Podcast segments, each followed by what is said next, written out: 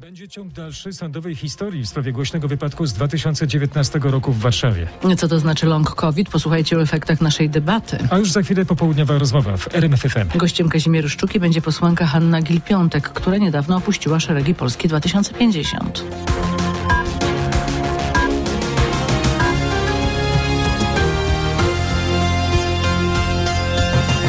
Prawnicy rodziny Adama G., ofiary głośnego wypadku z 2019 roku na ulicy Sokrates na warszawskich Bielanach, zapowiadają dalsze kroki prawne po wyroku sądu apelacyjnego. Ten uznał, że Krystian O. nie dopuścił się zabójstwa, gdy jadąc blisko 130 km na godzinę w terenie zabudowanym, staranował młodego mężczyznę przechodzącego przez przejście dla pieszych z rodziną. Trudno nam przyjąć ten wyrok, mówiła w sądzie ciotka ofiary Anna Gadomska.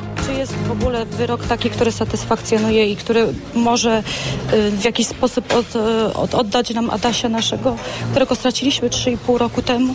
Dla nas czas stanął w miejscu właśnie na tym przejściu dla pieszych.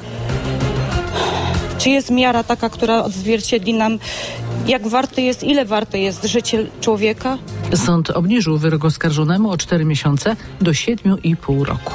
Zmęczenie, problemy ze snem i zapalenie mięśnia sercowego. O takich powikłaniach po zakażeniu koronawirusem określanych jako long COVID ostrzegają lekarze w specjalnej debacie na temat pandemii w RMFFM. Czasami niektórzy teraz porównują COVID-19 do grypy. Panowie, czy to porównanie jest uzasadnione? Profesor Filip Szymański? W mojej ocenie nie. Zdecydowanie nie. Tych powikłań e, po covid jest więcej.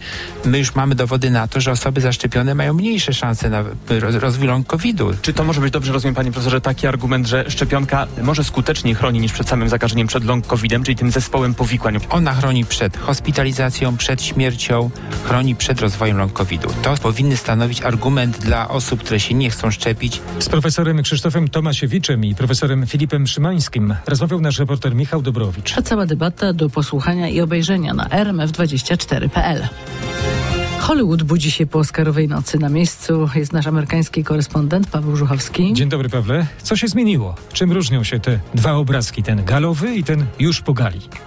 Dzień dobry, przed Teatrem Dolby nie ma już dywanu w kolorze szampana. Słynne hollywoodzkie schody od dzisiaj ponownie będą dostępne dla wszystkich, bo to schody w centrum handlowym. Teatr Dolby to element dużego centrum handlowego.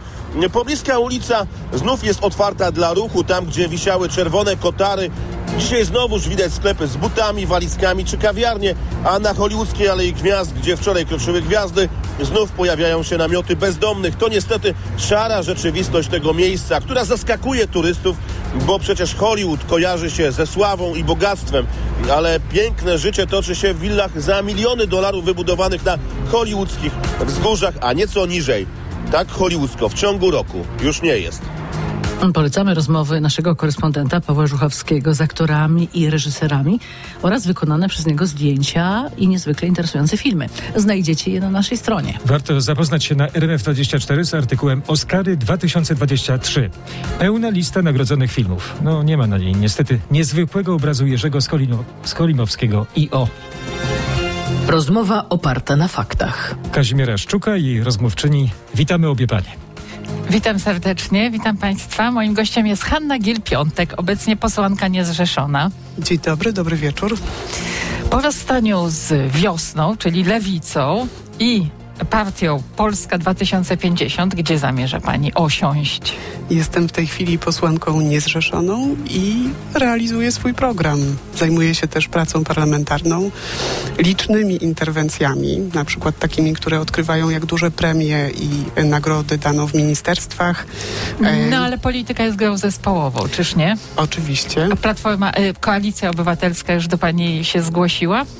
E, Ja pomogę, Kuszą Panią? ja pomogę każdemu, kto e, będzie przekonany o tym, że trzeba wygrać z PiSem. Najlepiej, żeby wygrać z PiSem razem. No ale ta Zawsze- lista się kurczy, bo już odhaczone zostały w dorobku dwa ugrupowania. E, Pani redaktor, no w, wiosna przestała istnieć w pewnym momencie. Kiedy weszliśmy do Sejmu, łączyła się z A. Konfederacja wchodzi w grę? Nie, Ale absolutnie. jak każdy, to każdy. Opozycja demokratyczna. Aha, rozumiem. No dobrze, a w takim razie jak zmieniają się Pani poglądy w trakcie tych wędrówek międzypartyjnych? No właśnie chyba poglądy się nie zmieniają. Natomiast moja partia zaczęła skręcać w prawo do takiego sojuszu z PSL-em, do takiego sojuszu konserwa- bloku konserwatywno-ludowego. Ja nie ukrywałam w wewnętrznych rozmowach, że zawsze byłam e, przekonana do tego, że z Jarosławem Kaczyńskim trzeba wygrać w sposób najbardziej zdecydowany i z największą przewagą, czyli najlepiej jedną listą, ale jeżeli nie, nawet to tak dużym blokiem, żeby nie dać PiSowi szansy po wyborach, żeby to w ręce No tak byłoby najlepiej, Kaczyńskiego tak by dokładnie. wszyscy chcieli, Poszła e, misja ludzie opozycji, wszyscy by tego chcieli. No ale coś poszło nie tak.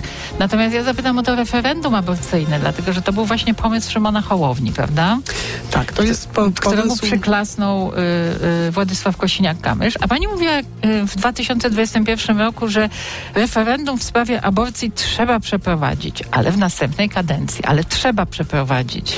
I, nie, to jest wypowiedź wyrwana z kontekstu. Owszem, ja mówiłam, że czy za pomocą referendum, czy za pomocą ustawy e, kobietom trzeba na, natychmiast przywrócić ich prawa i to nie w takiej formie tego kompromisu aborcyjnego, który e, był wcześniej em, przez bardzo długie lata utrwalony, ale w tej chwili, jak widzimy, społeczeństwo dojrzewa do tego, żeby dać kobietom możliwość No decyzji, żeby dać dojrzało. kobietom Te, dojrzało. Statystyki mówią 58% o, bodajże Albo nawet było. do 70, Tak, do nieraz 70. czytamy.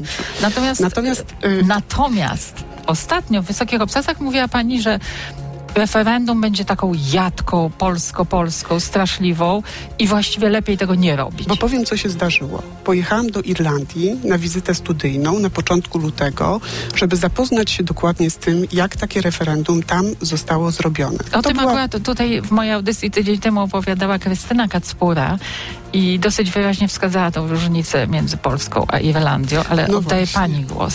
No właśnie, więc wydawało mi się, że skoro zawsze jest tak, że społeczeństwo jest bardziej postępowe niż Sejm, który wybieramy, jakoś tak się dzieje, że wybieramy jako bardziej konserwatywny, to może rzeczywiście warto oddać społeczeństwu głos, żeby w, w referendum mogło się na ten temat wypowiedzieć. To jest bardzo silny mandat wtedy. I w Irlandii zrozumiałam, rozmawiając z aktywistkami, z medykami, z mediami, no, z y, parlamentarzystkami też, które były zaangażowane w tę kampanię, że my w Polsce jesteśmy 10 albo i 15 lat przed tym momentem, kiedy w Irlandii było możliwe w ogóle przeprowadzenie takiego referendum. Ja nie chcę czekać 10 czy 15 lat. Mm, No ja rozumiem, ale chodzi o to, że y, y, tak czy nie, referendum tak czy nie, mamy je zrobić w Polsce czy nie. Znaczy w, w tym momencie, jeżeli to referendum miałoby być przeprowadzone natychmiast, a zdaje się, że Szymon Hołownia z Władysławem Kościniakiem chcieliby natychmiast tego referendum po wyborach, to no rzeczywiście będzie krzywdzącym plebiscytem, w który natychmiast się zaangażują wszystkie ugrupowania skrajne i fanatyczne, typu Ordo Juris, Kaja Godek, na wszystkich billboardach Czyli nie, Fundacji nie chcemy Kornice. Ja uważam, że powinniśmy tak wybrać Sejm, żeby to przyszło ustawą, żeby kobietom zwrócić ich prawa za pomocą po prostu głosowania w Sejmie. No ale jak to zrobić? Jeżeli nawet wynik referendum, dajmy na to, no żeby zrobić referendum, to trzeba je zarządzić w jakiś sposób. Tak, do tego jest potrzebna zgoda Sejmu, ale też później e, wprowadzamy, po, po przeprowadzeniu referendum, e, również e, trzeba podjąć ustawę. Tak? Czyli e, e, ci wszyscy, którzy w tej chwili postulują referendum, powinni się wypowiedzieć, jak za tą ustawą zagłosują. Czy jeżeli Polacy wybiorą, żebyśmy byli progresywnym europejskim państwem, żeby kobiety miały tutaj wybór i miały możliwość decydowania o swoim losie i życiu, czy oni rzeczywiście tak zagłosują, jak chce społeczeństwo? Parlamentarzyści. Tak? Tak. No tego nie wiemy, zwłaszcza, że jest dosyć duży galimatias, jeżeli idzie o Trybunał Konstytucyjny i te wszystkie historie wokół. Właściwie nie wiadomo, jak procedować. To tak szybko się nie uda. Nawet jeżeli opozycji uda się wygrać wybory. No jest jeszcze prezydent. To, E, no i on konstytu- pozostanie. Tak. Konstytucjonaliści nie są zgodni, czy nawet przy tak silnym mandacie, jaki wynika z referendum, Andrzej Duda może na przykład zawetować taką ustawę. No, Zdaje się, że może tak, ale może nie. Nie jestem konstytucjonalistką. No, na pewno osób z niepełnosprawnościami rodzi się coraz więcej. I w związku z tym chciałabym zapytać Panią, jak Pani sądzi, y, y, czy znaczy, nie wiem, czy jak pani sądzi, jaka, jaka praktyka, jaka procedura powinna w Polsce być wdrażana? Czy na przykład to, co proponuje teraz Koalicja Obywatelska, znaczy zrównanie y, renty socjalnej, z, y, kwoty renty socjalnej z płacą minimalną, to jest ten kierunek i wystarczy? Ja popieram ten postulat, ale on nie jest jedyny. To znaczy, jeżeli rzeczywiście w, w Polsce są kobiety, które podejmują taki heroiczny wybór, że chcą urodzić i wychować dziecko z niepełnosprawnością, czasem głęboką, e, to państwo powinno się zatroszczyć o każdy szczegół. Ja się zajmuję mieszkalnictwem i wiem, jak no to właśnie. wygląda. Y, Są te mieszkania dla osób y, z y, niepełnosprawnościami, z asystenturą, rozmaite takie Mieszkania rozwiązania. chronione. Mieszkania chronione. Chronione. Nie ma tego w Warszawie w ogóle. Nie, nie ma tego w ogóle w samorządach, bo to po, W pomimo Gdańsku. Tego, no, tak, ale to są programy pilotażowe, można powiedzieć. Na pewno nie jest to na powszechną skalę, więc to jest jeden z elementów. Poza tym jest pułapka rentowa, jest oczywiście Co to problem. jest pułapka rentowa? e, Problem zasiłku, jeszcze raz, proble- problem świadczenia pielęgnacyjnego, No tak, oczywiście. który Mhm. rodzice otrzymują, a nie mogą dorabiać. Nie mogą pracować. Nie, nie mogą pracować. No, jest szereg rzeczy, które my musimy znieść w, no właściwie już na początku kadencji nowego Sejmu. No mam nadzieję wygranej. Moim gościem jest Hanna Giel-Piątek, posłanka niezrzeszona. Y, A wie pani, jak to wygląda od strony konwencji y, o, dotyczącej o, o praw osób z niepełnosprawnościami szeroko? Bo No, ONZ-owskiej konwencji, One Polska powinny- ratyfikuje. jak rozumiem, one powinny uzyskać wszystko, żeby mogły y, żyć jak najbardziej samodzielnie. I tutaj też reforma orzecznictwa jakby wchodzi do tych postu- postulatów, dlatego że my mamy orzecznictwo w Polsce, które jest skierowane na orzekanie nie, o niepełnosprawności, natomiast mm, no, rozmawiając ze specjalistami, oni mówią, to powinno być takie orzecznictwo, które mówi, ile i czego brakuje danej osobie do tego, żeby była jak To najbardziej znaczy, żeby tak, żeby, żeby nie wrzucać wszystkich do jednego Do worka. worka, To jest istotne. Ale ja zapytam, wrócę do mieszkań, bo to jest pani działka. Mhm. Jak pani będzie walczyć o mieszkania dla osób z niepełnosprawnościami i ich możliwości usamodzielniania się w tych mieszkaniach, a tymczasem kończymy część e, naszej rozmowy e, na I antenie zapraszamy na e, RMF FM i będziemy dalej rozmawiać w internecie, w mediach społecznościowych, na portalu RMF24. Dziękujemy. Pan, państwo powinno się zatroszczyć o każdy szczegół, tak posłanka Hanna Gil-Piątek mówi o opiece nad osobami z niepełnosprawnościami. Rozmowa Kazimiery Szczuki, jak słyszeliśmy, przeniosła się do sieci. Polecamy bardzo gorąco. A najbardziej aktualne fakty w RMF FM już o 18.30. Także polecamy. Radio, muzyka, fakty. RMF FM.